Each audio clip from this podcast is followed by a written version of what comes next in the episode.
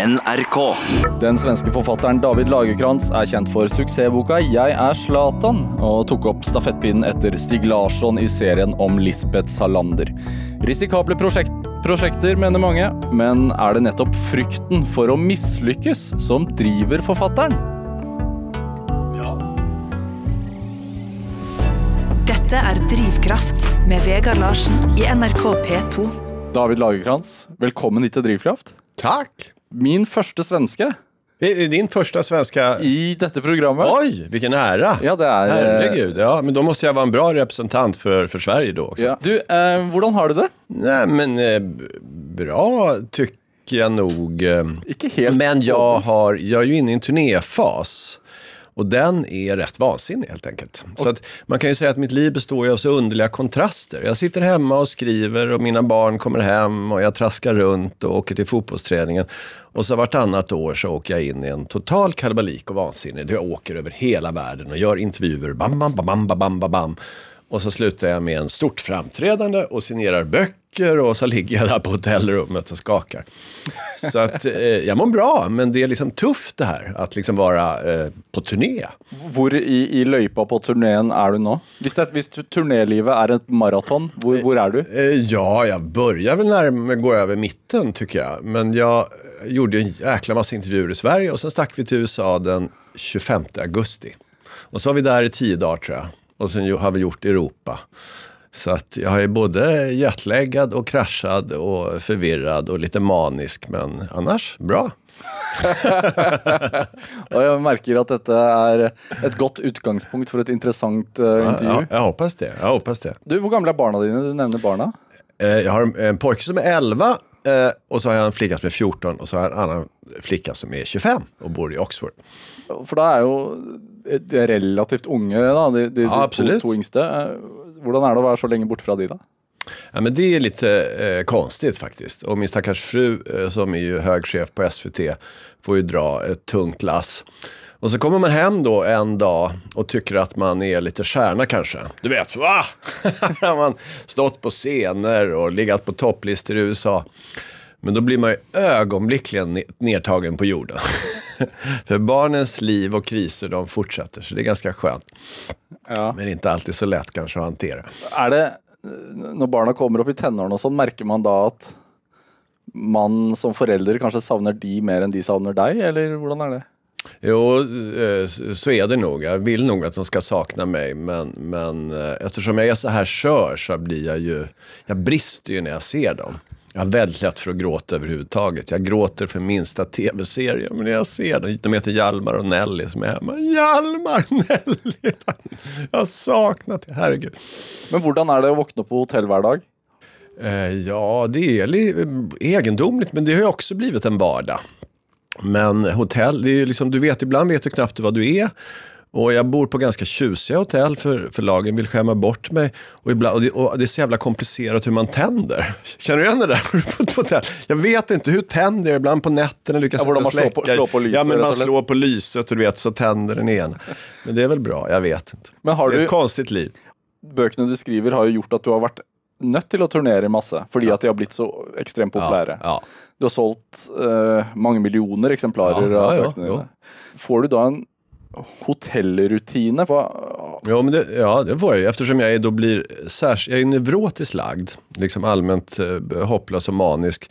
Så jag vaknar ju ottan. Du vet, väldigt tidigt på morgonen. Jag kan vakna fyra, fem på morgonen. Oj. Och sen är det lite jetlag och skit som man har också. Men då går jag faktiskt ner och springer. Antingen går jag ut i den staden jag springer, det är ganska häftigt. Man är i en ny stad. jag jagar på. Eller så går jag ner på löpband och springer. Har du alltid vært en løper? Nej, men de sista åren har jag varit en löpare. Jag har alltid tränat. Och sen så äter jag frukost, träffar min agent och så går vi igenom schemat. Och ibland känner jag att jag inte vill veta schemat. Äh, jag bara, jag följer. Du vet, Var ska vi nu? Till tv? Okej. Men hva får du ut av denne løpingen, da? Eh, jag tror inte jag skulle överleva utan den. Det är som en drog det där. Det är en kick. Du känner dig renad liksom. Runners high, som noen Ja, ja, kaller men det. så är det ju. Och jag tror också om man går tillbaka till mitt andra liv, alltså mitt skrivande liv, så tror jag att jag har fått mina bästa idéer strax efter träning. Är det sant? Ja, det, det finns forskning som visar överhuvudtaget det där med pausen som väldigt kreativ. Men, men det är någonting när blod strömmar till hjärnan, tror jag många känner igen. Du precis liksom har avslutat träningen eller du går in i duschen. Då, yes! Så ska jag göra. Eh, David Lagerkrans, du, du är eh, etter hvert et kjent navn i Norge, men eh, for den lytteren som ikke vet hvem du er, altså du er 57 år? Nej, det tror jag inte. Det måste vara 37 tror jag. Du är från Stockholm. Nej, jag är 57. Åren går så fort, jag fattar inte. Ja. Du er fra Stockholm, og, og du er den første eh, gjesten jeg har i dette studioet her som ikke bare er svensk, men, men som har en familie med eget våpenskjold. Ja, jo, jo, jo, ja. Eh, og våpenskjold er uvanlig i Norge. Är det vanligt i Norge? Uvanlig. Ovanligt i Norge. Ja, jo, men vi är ju adliga som det heter. Ja. Det är, ja, ja, ja, jag är uppvuxen med ett ytterst kluvet förhållande till det där. Man skulle båda vara lite stolt och samtidigt eh, förakta de som var alltför stolta för det. Så att, eh, jag vet inte riktigt. Men jag tycker inte det betyder så mycket. Men, men bare for å få etablert hvem du og så kan du Ja. gi meg en innføring i slekten din. Fordi jeg, jeg har sett altså, Det er en sammensatt gjeng, dette her. Og, og slekten din består både av adel, eh, og folk fra forretningsliv, Ja, og også kunstnere. ja.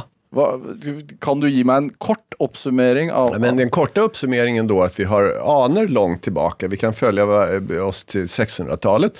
Och jag hade en släkting nu som skrev om en känd svensk som Erik Gustaf Geijer, fanns på 1800-talet. Och följer man då linjen fram till mig så ser man att det är väldigt mycket sinnessjukdom, väldigt mycket depression, väldigt mycket liksom bipolaritet och väldigt mycket kreativitet och väldigt mycket framgång. Så ska man vara drastisk så kan man säga att i det Lagerkranska så finns det liksom två vägar. Det finns liksom undergången, sinnessjukdomen och det finns framgången. Och jag växte upp i en värld med en framgångsrik pappa som hade en slags vördnad inför de lidande i släkten. Ok. Det fanns en slags, de var en slags Kristusgestalter som hade tagit på oss liksom allas våra liksom synder och sorger. Och samtidigt en vördnad då för de som hade gjort något begåvat. Så att när jag skulle skriva en, en självbiografi eller en bok om min pappa och mig så var arbetstiteln Lyckas heller gå under min gosse. Det var en av to. Ja, ja, men alltså det låter nu, jag, jag, jag skämtar lite om det, men det har funnits där. Det här arvet om framgång, kreativitet och väldigt mycket depressioner i familjen. Det, det är liksom en barlast som, som vi har burit och som har funnits, som, som, som syns långt, långt tillbaka. Tror du det är arvelig, eller tror du det är andra ting som spelar in? Jag tror man vet idag att det är väldigt genetiskt betingat. Sen kan det ju förstärkas av kulturen. Och idag har jag pratat med många evolutionära forskare och genetiker vet att det finns ett samband mellan bipolaritet och kreativitet. Kanske är det just därför bipolaritet, alltså manodepressivitet, har överlevt evolutionärt. För att det faktiskt också ger fördelar. Men det är ganska jobbigt att ha. Hur har du det själv? Jag har nog det, skulle jag säga. Jag skulle nog säga att jag har, jag, jag, massor med olika såna här terapeuter och psykiatriker har försökt då låta mig gå igenom utredningar. Men jag, jag liksom flyr mig ifrån det. Men jag skulle nog säga att jag är lite manodepressiv. Jag har båda de här faserna. Är det, är det då att vara en selvstendig skrivende forfatter, er det et eh, godt valg i forhold til eh, yrket? Jag vet inte, eftersom jag har svåra koncentrationssvårigheter så är det ju ett idiotiskt val. Jag borde ha gjort något mer där jag liksom rusade runt och kanske satt i radion och var mer spontan eller någonting. Men jag tror att liksom depression och mani kan vara ganska bra. För i manin så tror du på dig själv. Du vet, du öser på med dina associationer. Va? Fan, jag är bra. Men när depressionen kommer lurande så börjar du tvivla. Och det är också bra. För du behöver hela tiden tvivla på dig själv som författare för att skriva bra. Så att, att pendla mellan liksom högmod och förtvivlan är ganska bra för en författare tror jag. Det skaper eh, eh, noe godt når det, Jag tror krasj- det. når det Jag tror det. Du behöver båda två. Du behöver tro på det som kommer, dina infall, men du behöver också tvivla. För annars blir du högmodig och det blir dåligt. Vi skal snart gå, gå og snakke, snakke om eh, din siste boken din, altså 'Hun som må dø', altså som avslutter ditt forhold til Lisbeth Salander Mm. på mange vis. Men, men hvordan vil du beskrive oppveksten din i Stockholm? Ja, speciell. Eh, Min pappa var väldigt eh, berömd. Tror jag mer berömd än, än vad jag är nu. Han var liksom, när Sverige var liksom, det fanns ju bara några kanaler. Han var chefredaktör för DN, intellektuell. Och och eh, liksom var ganska dömande kan jag säga. Han satt framför tvn och vi kunde se statsministrar eller vem som helst och han sa bara fullständigt obegåvad, vilken medelmåtta. Och du vet, det där skapar ju tryck på en. Men det var också ett hem som var annorlunda för vi kunde ha människor som jag tyckte var fina, som jag hade sett på tv. Men så kunde det också sitta liksom trashankar, fyllbultar, du vet, A-lagare. Som jag liksom, vad, vad gör de här hemma? Men de behandlades ofta som finare än någon annan. Hvorfor det? För att det var kända poeter. som hade gjort någonting enastående. Ja, fordi poesien var viktigere. Ja, poesin var viktig. Vi hade väl, och många av de här stora svenska litterära gestalterna på den tiden när jag växte upp var ju väldigt nedgångna. Så Olof, min pappa, brydde sig inte så mycket om titlar, om man var professor eller ambassadör, utan det viktiga var om man var begåvad. Och det växte jag upp med. Man ska vara begåvad och det var en skräck. Tänk om jag inte är begåvad. Det var en sån där tidig oro. Tänk om jag också är en medelmåtta. Hvordan preget det deg? Eh, Det har präglat mig, tror jag, att jag har skapat en ganska rejäl prestationsångest. En skräck hela tiden för att vara misslyckad, skräck att vara en besvikelse, skräck att inte leva upp till förväntningar. Det tror jag jag har och aldrig blir av med. Men da er det jo eh, ekstremt modig, vil jeg si, å, å overta stafettpinnen eh, etter en av de mest eh, solgte boksuksessene i moderne tid. da. Ja, jo, det var galet. Det var galet. Men om man nu ska försöka förstå det så måste man också förstå hur jag fungerar. Jag, jag drivs av någon slags impuls. Eh, jag fick ett samtal om att jag skulle komma till Nordstedts, till det här förlagshuset.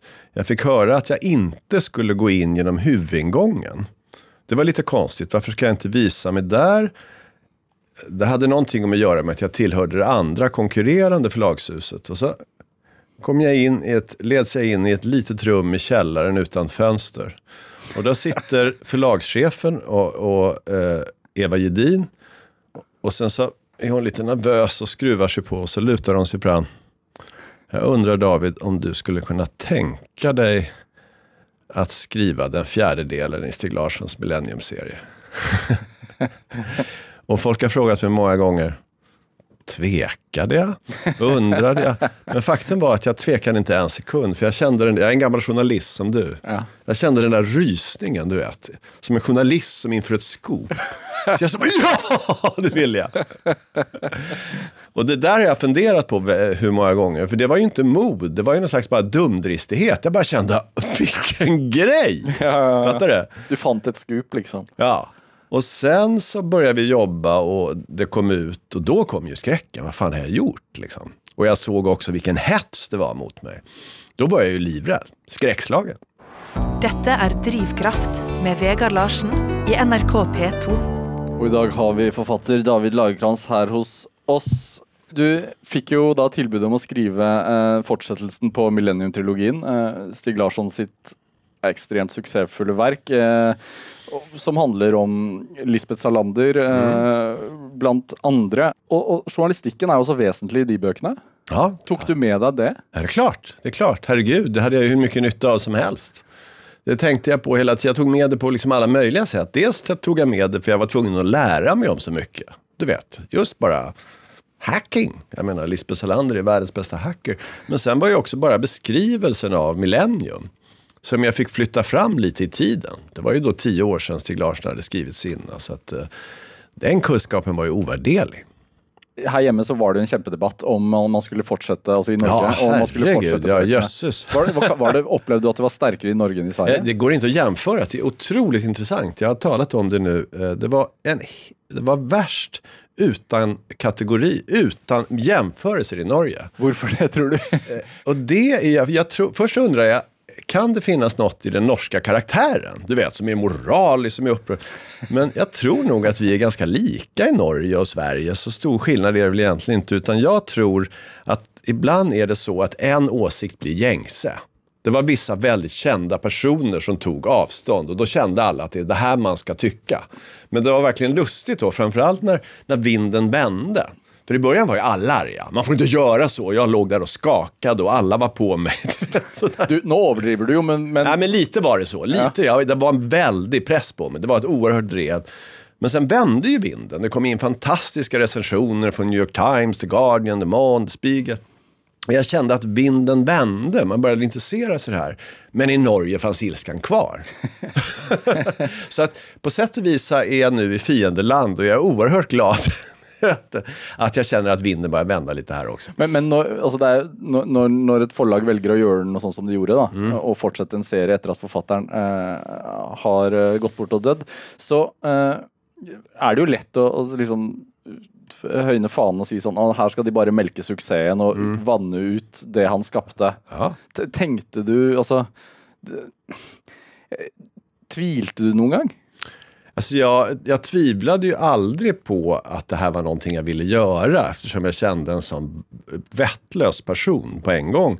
Men jag tvivlar ju hela tiden på om jag skulle klara det. Og, og fortsette suksessen? Ja, jag, jag, jag kände ju... Jag, jag- jag, jag var livrädd för att det skulle bli en katastrof. Och ett tag så kände jag nog att hela mitt författarskap stod på spel. Jag menar, hade jag skrivit några hopplösa fortsättningar som inte hade gått alls så hade jag legat ganska illa till. Så jag kände att risken var hög. Herregud. Så det, det var stunder där jag var helt skräckslagen. Men skräcken är en ganska bra drivkraft. Ja, og tenkte du også litt sånn eh, Siden det ble litt kritikk rundt dette, her, tenkte du ok, nå skal jeg bevise? Ja, det tänkte jag. Det tänkte jag. Jag tänkte liksom allt möjligt. Ibland låg jag ju bara skakad och undrade hur jag skulle överleva eftersom jag är en väldigt känslig person. Och ett tag så blåste det ju väldigt hårt från alla fronter. Men det är någonting, jag brukar säga ibland att jag är en väldigt svag person. Jag är en svag, svag, stark person. så någonting i mig, trots att jag ligger där och skakar och gnäller och gråter och darrar, är det någonting hos mig som kämpar vidare. Ja, fordi du, du omtaler deg jo selv eh, eh, liksom, som en svak person som, som, som eh, ligger og rister hele tiden. Men hva, hva, hva er David Lagerkrantz sine styrker? Ja, det tror jag att han inte ger upp ändå.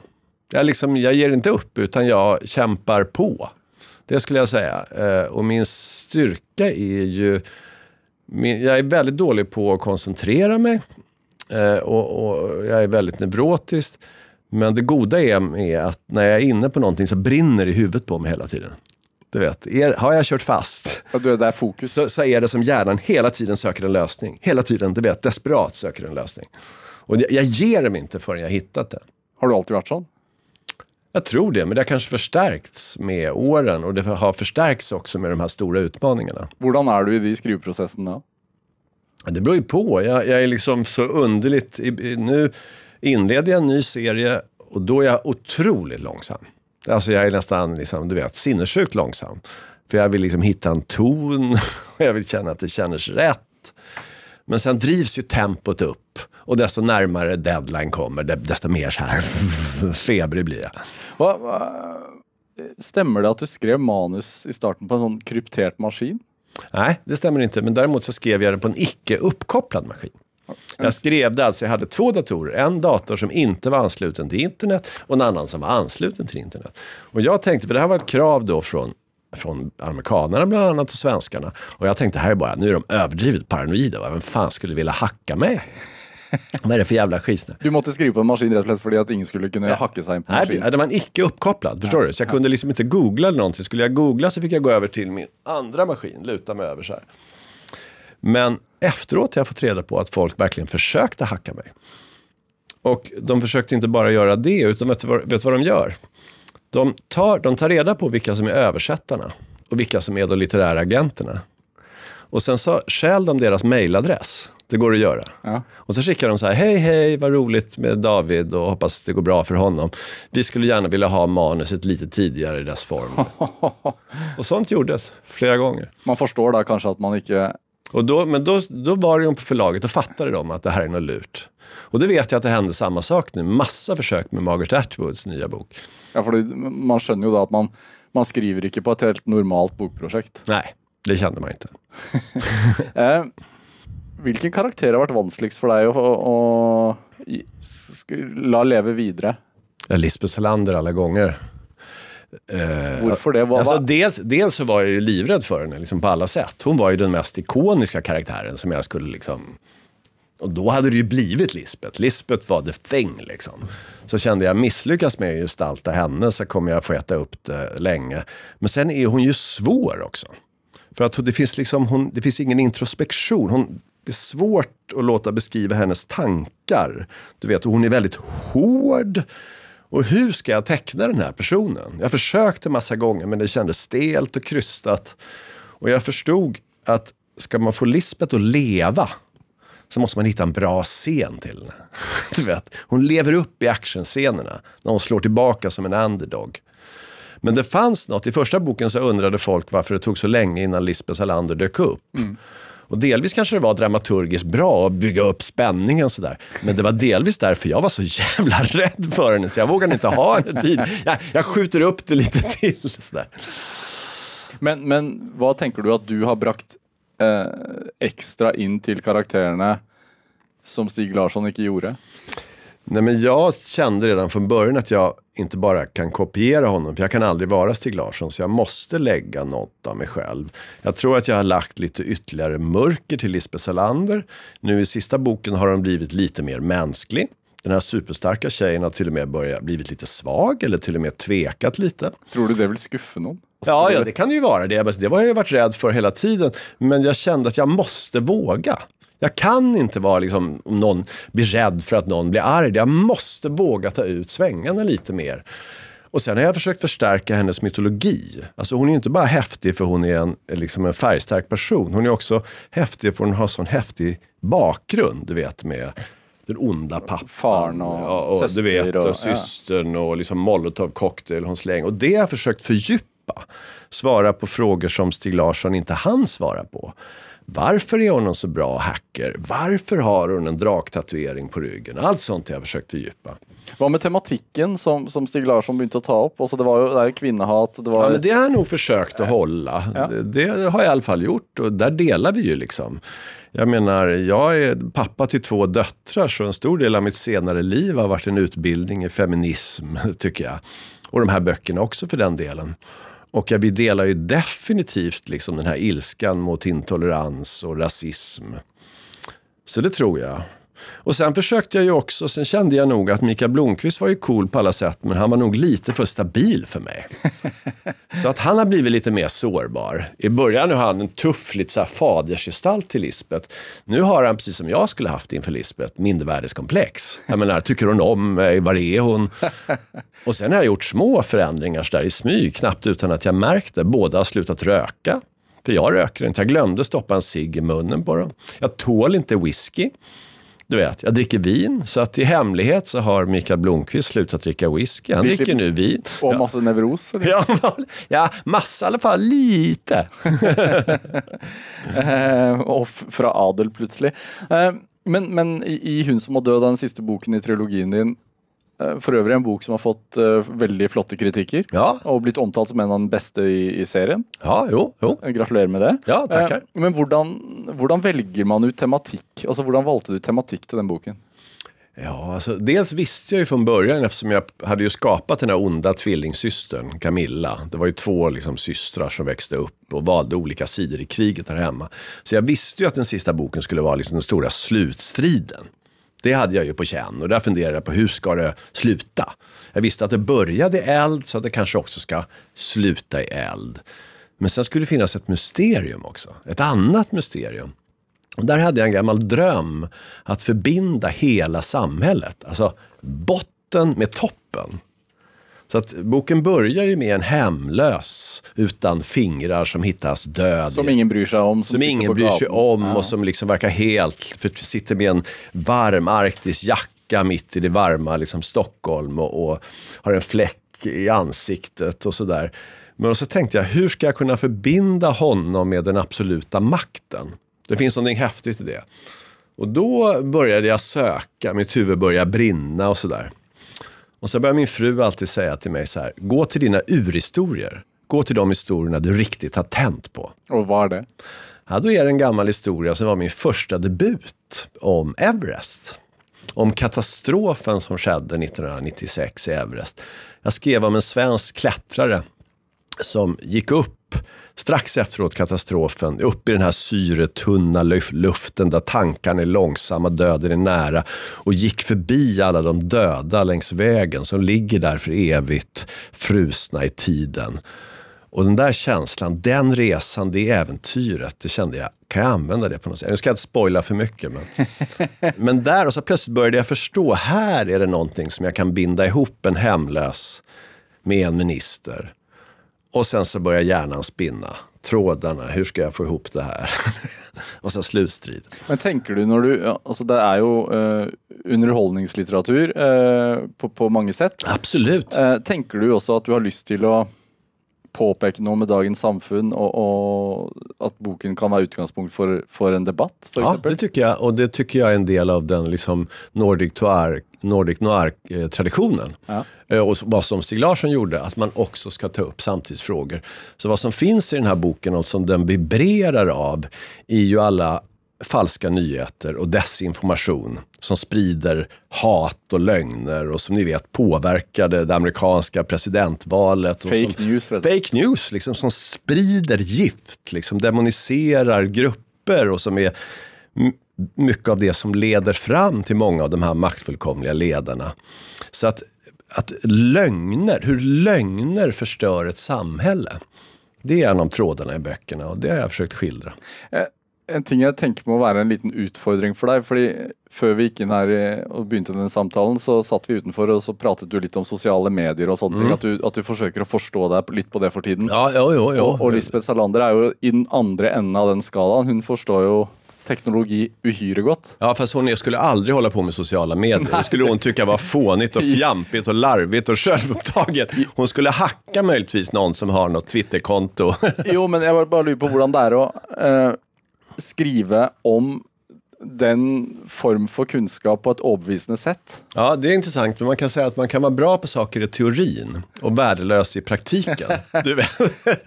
Jag skulle aldrig våga klättra ett berg högre än 10 meter, men jag är ändå ganska bra i teorin hur det är att klättra ett berg på 8000 meter. Och jag har lärt mig i teorin hur det är att hacka något svårt. Men i själva verket är jag svårt ibland att logga in på min egen dator, så det är en paradox där.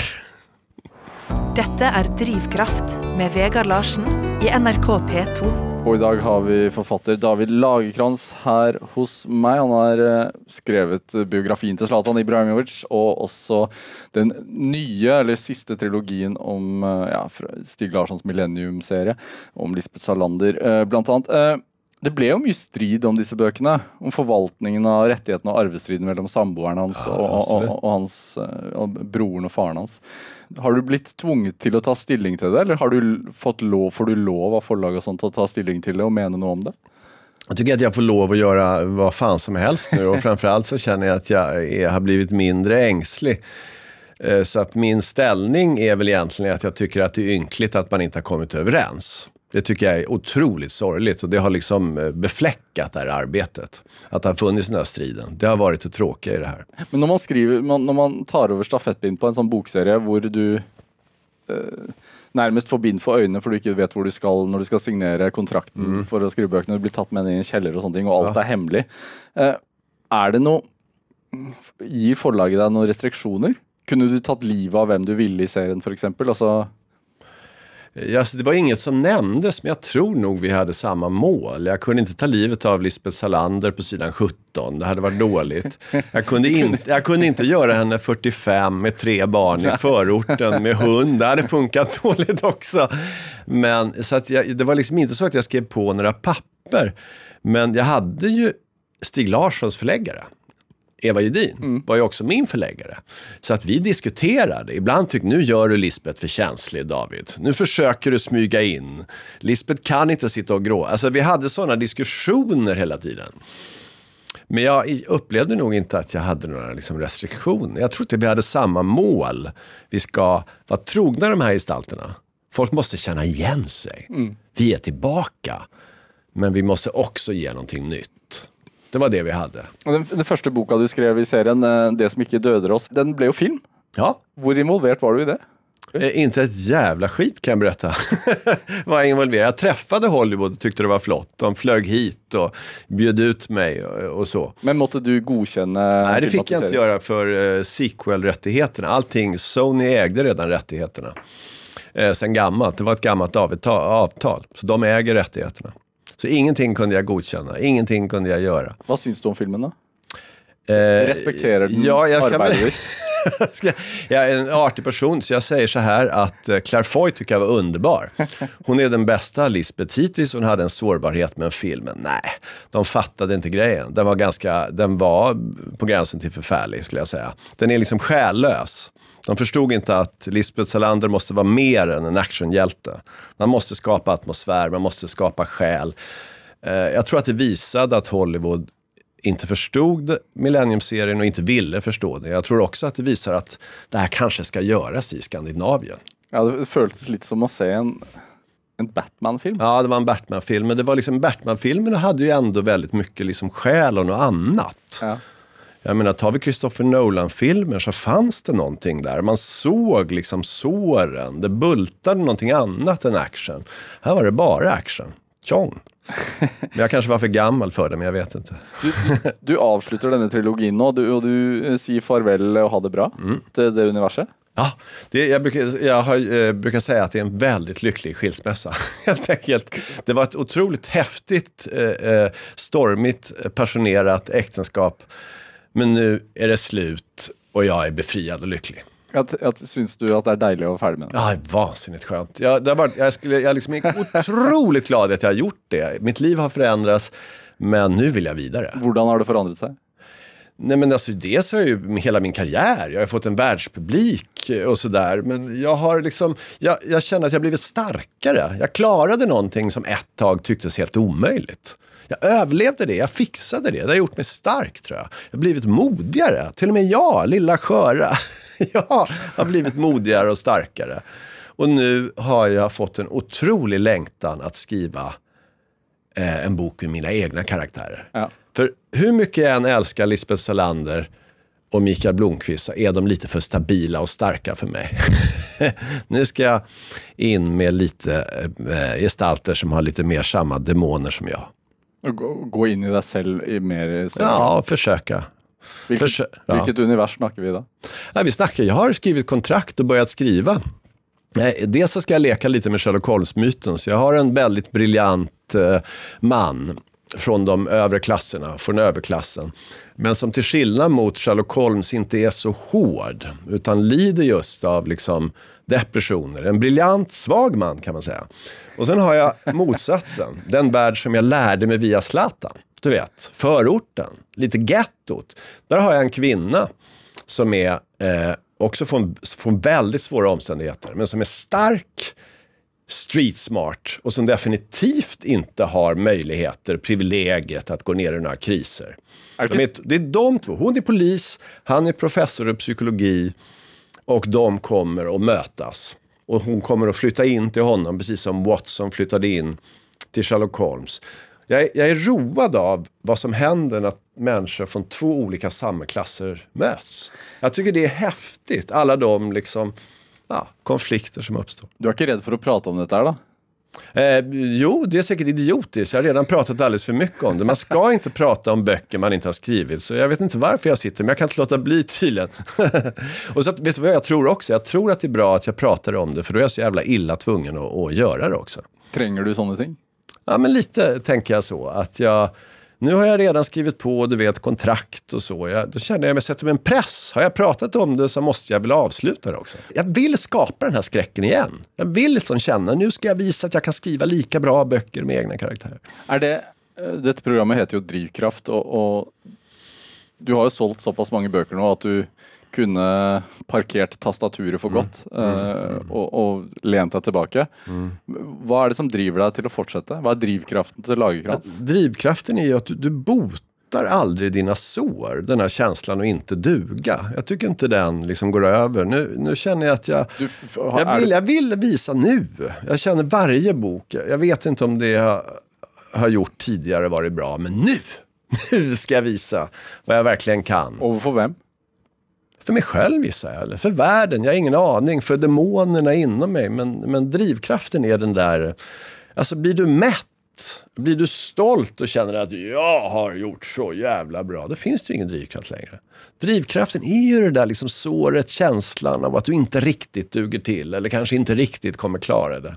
Är det, hur mycket eh, har din far skyld i den, den stämmen, den demonen? Ja, men det är klart att han, alltså, vi vet ju idag inte, jag tycker det är väldigt intressant. Jag skrev min, min femte bok i Millennieserien just om, om vad som påverkar oss. Är det arv? Mm. Eller är det miljö? Är det genetik eller är det kultur? Det vet vi inte. Jag kanske liksom, eh, det kanske bor ett mindervärdeskomplex i mig som jag, finns i mina gener. Eller också har min fars stränga blick, du vet. Var begåvad min gosse. Kanske alltid, för jag kommer kanske inte undan det. Men jag känner aldrig att jag duger riktigt. Jag känner alltid att jag kan göra lite bättre. Hur är det för din fru på hemmabane om du tänker det? Alltså har den känslan? Nej, men hon har inte alltid lätt när jag blir hysterisk och hetsar upp mig och får mina katastrofkänslor att allt kommer gå åt helvete. Men om jag är den nerviga hemma är hon den lugna. Så vi brukar komplettera oss ganska bra. Hon har så mycket att göra också. Hon är hög chef i SVT och sådär. Så hon har inte tid att lyssna på mitt gnäll. men hur mörkt kan det bli?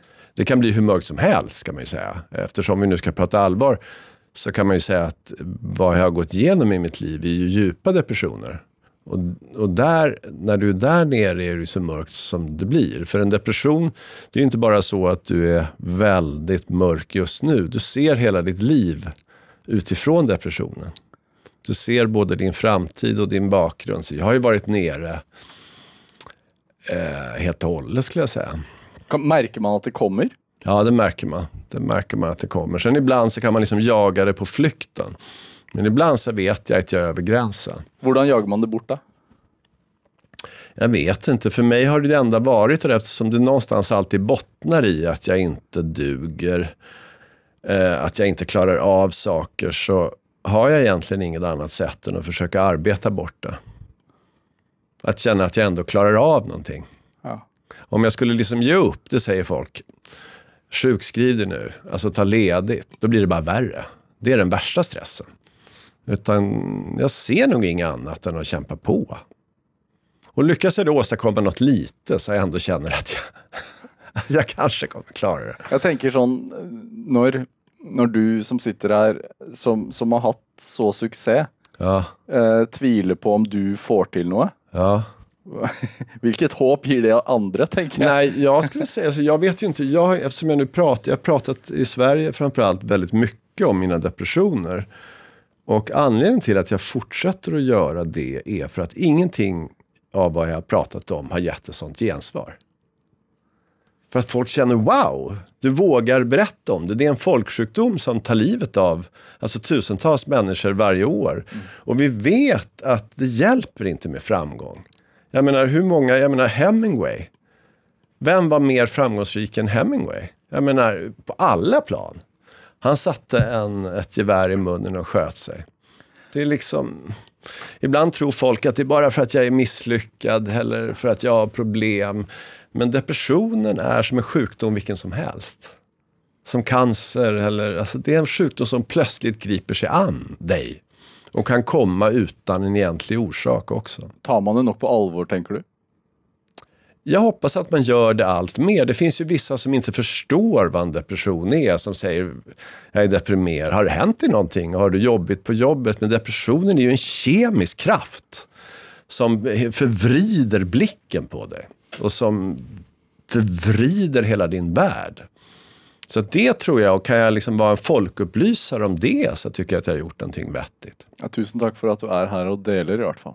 Tack. Detta är Drivkraft med Vegard Larsen i NRK P2. I dag har vi den tidigare journalisten, nå forfatteren David Lagerkrans här i studio, som uh, vi har snakket om uh, boka hans, att han har fullført uh, sin trilogi om Lisbeth Salander. du nämner att du är igång med ett nytt bokprojekt ja. som handlar om där två världar mötes. Mm. en från det högre skiktet i samhället, en från det lavere skiktet i samhället. Mm. Och du har ju skrivit Zlatan Ibrahimovic sin mm. biografi. Ja. Du är från adlig ett, mm. och han var från förorten. Ja. Så det, er jo litt der. Hva, hvordan, ja, var, hvordan var eh, møtet, møtet, med han? det är mötet mellan oss som inspirerar mig mycket till det här. För att det var ju en total eh, kulturkrock. I någon mening så var ju han stjärnan, det är klart han var. Och jag var den lilla författaren som, som kröp ihop. Eh, och så började det. Jag sitter där liksom lite orolig, men ibland efter ett tag så sker ju ett skifte. Om han var fadern i början, förstår du? Den stolta, häftiga. Och jag var den lilla. Så plötsligt kommer vi in på plan där vi pratar om bakgrunden. Då blir plötsligt han yngre. Han var ju 20 år yngre. Och jag är äldre. Ja. Och jag märkte också att det fanns, vi kunde mötas på många plan. Vi kunde förstå varandra för vi båda hade ett slags utanförskap. Fast olika utanförskap. Och ibland så var det som inte talade alls, för vi hade levt i helt olika världar. Hans värld var en helt annan än min. Men var du fotbollintresserad? Ja, fotbollintresserad var jag förstås. Eh, I alla fall hade varit när jag var liten och blev när jag satt där med honom. Men, men det var verkligen, det var också något helt häpnadsväckande för mig att se att han hade vuxit upp i ett annat Sverige än mitt. Han såg ju inte svensk TV förrän han var 17 år, du vet. Han visste ingenting om min värld och det fascinerade mig. Och det pratade vi väldigt mycket om. På, på vilket sätt var det lika då? Jag tror att vi båda, alltså dels så hade vi båda en fadershistoria. Han, hans liv gick ju mycket väldigt ut på, hans, fader var ju, hans pappa var ju traumatiserad av Balkankriget och satt bara hemma och Zlatan gjorde ju allt för att bli sedd. Pappa, ska du inte komma till min träning? Men pappan kom aldrig. Förrän en dag. När Zlatan hade kommit upp i A-laget så kom han. Och det där var ju en scen som, som ger mig fullständigt rysningar. Som kände att jag hade också kämpat. Pappa, se mig. Pappa, se mig. Och sen så kände ju Zlatan det här utanförskapet. Du vet, han, han kom från de här förorten med utländska föräldrar och börjar i, i Malmö FF med medelklasskillar som har skjortor. Zlatan har aldrig sett någon med skjorta. Du vet, säger trevligt att träffas. Vadå trevligt att träffa? Du vet, han kom från en annan värld. Medan jag kom från liksom ett hem eh, Eh, väldigt extremt intellektuellt som sen skulle ut i det vanliga livet, du vet, in på journalisthögskolan och så. Det var också ett oerhört utanförskap där jag kände att jag fick liksom göra våld på mig själv för att passa in. Och så var det ju för Zlatan också, han fick ju kämpa. Han hade ju den här tanken, heter man Ibrahimovic som jag, då måste man vara tre gånger så bra, eller fyra gånger så bra som alla andra för att ha en chans. Jag kunde känna igen mig hos mycket om honom. Och jag kunde känna mig totalt annorlunda. I hans värld skulle man vara stark. Du vet, du skulle vara en machoman som alltid tog fighten. I min värld skulle man vara svag, eller känslig. Den finaste var den liksom känsliga, begåvade poeten som kände. Så jag kunde få spår på kontrasterna. Genom att se dyrkan av styrka hos honom så kunde jag förstå den farliga liksom, vördnaden för svagheten hos oss. Och det mötet, hur hans historia gav en ny strålkastare på min, var jävligt häftigt. Så att det, jag tror att det blev lite som en terapi för oss båda. Den boken blev jo en enorm suksess, og er jo en Altså er jo noe så sjelden som en bok som blir lest av eh, både tenåringer og godt voksne. Ja, Det, det må jo føles ek- ekstremt stort når du ser eh, barn lese eh, boken du har skrevet. Ja, men det är yrkesmässigt, eh, millen- millennium i all ära, men det är yrkesmässigt det största som har hänt mig. När jag förstod att en bok verkligen gjorde skillnad. När det, plöts- när, när det plötsligt kom, det kom ju killar du vet till biblioteken när jag talade som såg ut så här. Jag såg att bibliotekarierna blev rädda. Fan ska det bli slagsmål eller vad är det? Och då var det plötsligt killar som aldrig hade varit inne i ett bibliotek, aldrig hade varit i en bokhandel. De kom för att lyssna. De började läsa. Och många av dem fortsatte att läsa. Och känna hur en bok blev liksom en folkrörelse. Det blev plötsligt coolt att läsa. Och eh, idag används det i skolan för att få liksom, icke-motiverade personer att läsa. Den, den har verkligen gjort skillnad och det är jag så otroligt stolt. Jag brukar säga så här, och det var ju förstås Zlatans kraft. Jag brukar säga att Zlatan, han kan vara stolt över så jävla mycket. Du vet, alla mål, alla coola repliker, alla vinster. Men främst kan han vara stolt för att det var han och vår bok som fick Sverige att börja läsa. og du skrev den jo i, sk- ja. i romanform, nesten. Ja, jag, jag försökte använda liksom ett eh, litterärt berättargrepp. Du er jo veldig opptatt av det, at, eh, at barn og unge skal lese. Du doner, har donert Ja. masse penger til, til det. Ja. Hvorfor er det viktig for deg? För att det blev ett sånt upp, uppvaknande för mig vad det betyder. Man måste ju tänka på att jag är uppvuxen lite med att skriva för eliten. Mm. Man skulle skriva för sådana som min far, du vet. Så säljer man över 3000 exemplar? Ja, så, så var man eh, korrumperad mer eller mindre. Eh, nästan. Men, men här fick jag plötsligt ögonblick när, när, när det verkligen spelar roll och vad läsningen betyder. Och många som står utanför samhället och inte kan ta sig in säger det ofta genom läsningen. Man erövrar språket, man får lättare att förstå andra människor. Om vi har ett väldigt splittrat samhälle, polariserat samhälle, så är litteraturen ofta ett sätt att föra oss närmare. Ehm, jag tror det är otroligt viktigt att barn läser och har jag bidragit till det så, så, så får det mitt hjärta att blöda. Zlatan, eh, man är märkligt nog så är man på förnamn med Zlatan allesammans. Alltså, ja, det är förnamn. Ja, så jag kallar honom bara Zlatan. Men Zlatan eh, framstår ju som en, eh, en man med väldigt starka meningar. Ja, jo, absolut. Och, och, och sedan du skrev den boken i romanform så, så var det ju inte ett ett, ett intervju. Det var inte en intervju, det var många. Ja, ja men det, det, var inte, du skrev den ju inte i en ren intervju. Nej, nej, nej, nej, verkligen inte. Nej. Uh, så du, du tog dig några friheter uh, underveis? Jag vet inte, alltså jag, om man, jag pratade med honom minst hundra timmar. Och, och hittade vi något viktigt, någonting som var centralt, när jag fick reda på att han gick hungrig till exempel. Mm. Kylskåpet kunde vara tomt. Han kunde komma hem hungrig för en dag, slita upp kylskåpet och det fanns inte något annat än öl där. Det finns en smärta i det David jag aldrig glömmer. Kan du förstå och höra det? Och då vill du veta mer om det. Du går tillbaka och tillbaka. Och då kan du ju inte liksom citera vårt krångliga samtal. Du måste hitta en form, en essens av det här. Och det var det jag försökte hitta. Jag försökte hitta en, en ännu riktigare Zlatan genom att liksom hitta en, en ton, ett litterärt berättargrepp. Du måste rätt och slett laga ett porträtt, alltså ditt, ditt ja, jag, jag, skulle, jag skulle berätta en historia. Ofta ser det ju sådär, om du nu skulle, eh, nu pratar vi radio, men om du skulle skriva ner vad jag sa, så skulle det inte riktigt låta som mig. Det skulle bli för pratigt. Du skulle vara tvungen att koncentrera mig för att få fram den riktiga David. Är du med? Och det tror jag man gör, precis som Svetlana Alexejev gjorde när hon gjorde sina intervjuer. Du måste liksom hitta essensen. Men, men var du nervös när han skulle läsa henne? det var det minsta man kan säga. Herre jävla vad nervös jag var. men det hade ju kommit gott överens. Jo, vi hade kommit gott överens, men jag visste ju att jag hade ju liksom ändå spejsat ur lite. Och jag visste också att jag inte kunde vara rädd för honom. Så att jag brukar säga, jag sa ju till mig själv hela tiden så här, för att liksom komma in i rollen. Det är jag som är Zlatan! Det är jag som är Zlatan! Och det, det var jag ju tvungen att vara för att leva mig in i det här. Problemet var ju bara att efter ett tag när jag hade skrivit så var ju låtsas-Zlatan, David, kung, tvungen att skicka boken till riktiga Zlatan. du kan fatta. Och, och Zlatan, han fattade inte hur jävla nervösa författare är, särskilt sådana som jag. Alltså, jag hörde inte ett jävla ljud från honom överhuvudtaget. Och till slut så fegade jag ur lite, så jag ringde Helena Seger då, hans liksom, eh, sambo, fästmö, och frågade, läser han överhuvudtaget? Och då var hon tyst ett litet tag och sa, han gör inget annat. Gör han inget annat? han behöver inte läsa så noga, det räcker med att ha koll. Och sen sa, skickade Zlatan med ett sms och han sa, du den där boken vi har skrivit, vi borde nog snacka om den. Du får komma till mig i Malmö klockan 11.30. Audiens. Ja, då var jag så jävla nervös. Jag kom 11 och 10. Och då var han inte hemma än. Så jag gick fram och tillbaka. Till slut kom en polisbil för de trodde det var en jävla stalker utanför Zlatans hus.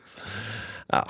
Men till slut så började jag fatta att han faktiskt uh, fattade vad jag hade gjort. Vad, vad, vad syns han om boken idag, tror du?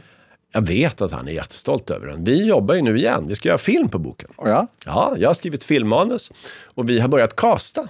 Vet du vad du vet alltså, det säger ni på norska ja, också. Ja. ja, ja, precis. Vi ska hitta en 11-årig Zlatan och en 17-årig Zlatan. Det är en, en 11 ja, vi ska, det är en uppväxthistoria, för det är det jag tycker var kärnan i det, liksom, hur han slog sig fram. Så jag har skrivit filmmanuset, Zlatan läser, och eh, med lite tur så ska jag försöka få in Zlatan i filmen. Du vet, är en camion. jag har skrivit Så nu snackar vi igen. Så att jag tror vi båda är otroligt stolta över den här boken. Nu hoppas jag att det blir en bra... För det är skillnad mot Hollywoodfilmen på min Millenniumbok så är jag så inåt helsike involverad. Så blir den här filmen dålig, då kan du skylla på mig. men men vad, är, eh, vad är målsättningen med en film på det, när boken redan finns? Är det för att ända Nej, men för, jag menar, fil, film är ett eget konst. För jag tycker det vore underbart om vi kunde fånga det här. Filmen kan ju visa saker som en bok inte kan göra och, och, filmen kan filmen få en ny generation att läsa. Sen kommer vi skriva ett ny, nya kapitel i boken, du vet. Och, och, skriva lite berättelsen om boken. Så vi kommer ge ut den igen. Det är ju, eh, i, i Norge så är det ju massa diskussioner om liksom svenska tillstånd om, om, om um, forskjellen, forskjellen, de store forskjellene i, i Malmö f.eks. Og, og ja, uh, altså, altså, ting som har skjedd der i, i områder som har masse innvandrere. Uh, vad tänker du om det? Når du, för du har gått kännskap till det nu. Tror du den boken kan vara med, eller den filmen också kan vara med och sätta det i ett annat ljus? Jag hoppas, jag hoppas det. Jag menar, det, det är väl många idag som lever utanför samhället och känner förtvivlan. Och då tror jag Zlatan är en otrolig förebild. Han är ju liksom den första liksom, eh, American Dream på svenska. Så jag hoppas att den har eh, betydelse för, vi har ju ett helt nytt Sverige nu. Du, när du har detta extrema behov för att jobba. Mm, ja, det vet jag inte. Jo, ja, jo. För att inte alltså, gå in i det mörka. Mm. Och brukar det som en slags självmedicinering. Då. Mm, det kan man nog säga. Samman med joggingen eller löpningen. Ja, precis. Jag är inte rädd för att bli utslitt då? Jo då, det tänker jag nog på. Det tänker jag nog på hela tiden. Det har varit nära, men jag tror att jag blir mer utsliten om jag inte jobbar. För då kommer stressen och då kommer självtvivlet. Då får jag för mycket tid att tänka. Så att jag tror nog på att jag är aktiv i lagom doser, det tror jag. För att hamna där, alltså vi är, vi är ett program som önskar att kanske inspirera lyssnarna till att följa sin väg. Då. Ja, ja, ja alltså, mitt, min tro är ju alltid, vad jag gjorde är ju att man följer elden, man följer personen. Om man skriver som jag så tycker jag man ska skriva om det som man går igång på. Man känner att man ryser. Och det tror jag är ganska bra överhuvudtaget för att bli en människa som mår bra. Att man där man tycker det är roligt, eller där man ser en stor utmaning, där är det inte så dumt att vara. Jag tänkte vi skulle avsluta med lite musik. Ja. Jag spurte dig eh, om du eh, kunde föreslå en låt och, och då sa du sån, Take this waltz av Leonard Cohen. Varför det? Ja, många skäl. Dels för att Cohen är mina liksom första hjältar då, både som textförfattare och som musiker. Han var ju någon jag såg upp till. Men just Take This Waltz, vi skulle ju gifta oss ju borgerligt, jag och min fru. Och så ville vi inte ha någon gammal gisten vals, utan vi tog Take This Waltz. Det var en väldigt fin dag faktiskt hemma hos oss. Vi hade inte sagt till någon att vi hade gift oss vi bjöd hem folk bara på en fest. Och så skulle vi presentera oss, tyckte folk var konstigt för de kände ju mig. Jag heter David Lagercrantz. Och det här är Ann Lagerkrans, för vi har gift oss. Jag aldrig, och folk skrek så. och sen så hade vi fest och sen så dansade vi till Take Waltz. När du hör den låten, vad, vad följer du då? Nej men då blir jag, nu blir jag tårögd på riktigt eftersom jag, jag har haft en sån kärlek till denna människa och hans texter. Och dagen efter Donald Trump hade vunnit valet och jag kände en förtvivlan i världen. Liksom att vi väljer vi fram en, liksom en, en skurk, en narcissistisk man. Samma dag som jag sitter liksom och, och skakar i detta så får jag besked om att Leonard Cohen har dött. Och då kände jag att visdomen dör, dårskapen vinner. Det är sånt här ögonblick som jag aldrig glömmer. Jag sitter och får beskedet att Leonard Cohen har dött i sitt hem i New York. Och det är sånt här ögonblick när jag känner att, att det skakar. Liksom. En av de sista, för mig då stora, var död. Det var ett, eh, ett gripande ögonblick. Men han har, skrivit, det, det, han har skrivit sådana sånger. Och kan jag bara skriva några rader som Leonard Cohen, då kommer jag dö lycklig trots allt. Vi ska snart höra, höra den låten, men, men du följde på, på att eh, nu står inte världen till påsken. Men det är några år sedan eh, detta här nu då. Tänker du att vi kan vara på väg i riktig riktning eller hvordan, vad ser du? Hur hoppas du världen är om 20 år? Jag tycker vi är på väg åt helvete, både i klimatet och, och demokratin är hotad. Eh, högerextrema populister kommer till makten hela tiden. Däremot så hoppas jag på en ung generation. Precis som eh, generationen äldre än mig hade sitt 68, så jag hoppas att det kommer en motrörelse till detta. Och det tycker jag mig ändå se tecken på. Men nog ser det mörkt ut i världen. Det tycker jag. Trist avslutning på Drivkraft. Nej, men det behöver vi, vi kan också säga till. Ja. Slutte. det er ærlig mening. Tusen takk, eh, Ja. David Lagerkrantz, for at du kom hit til Drivkraft. Tack!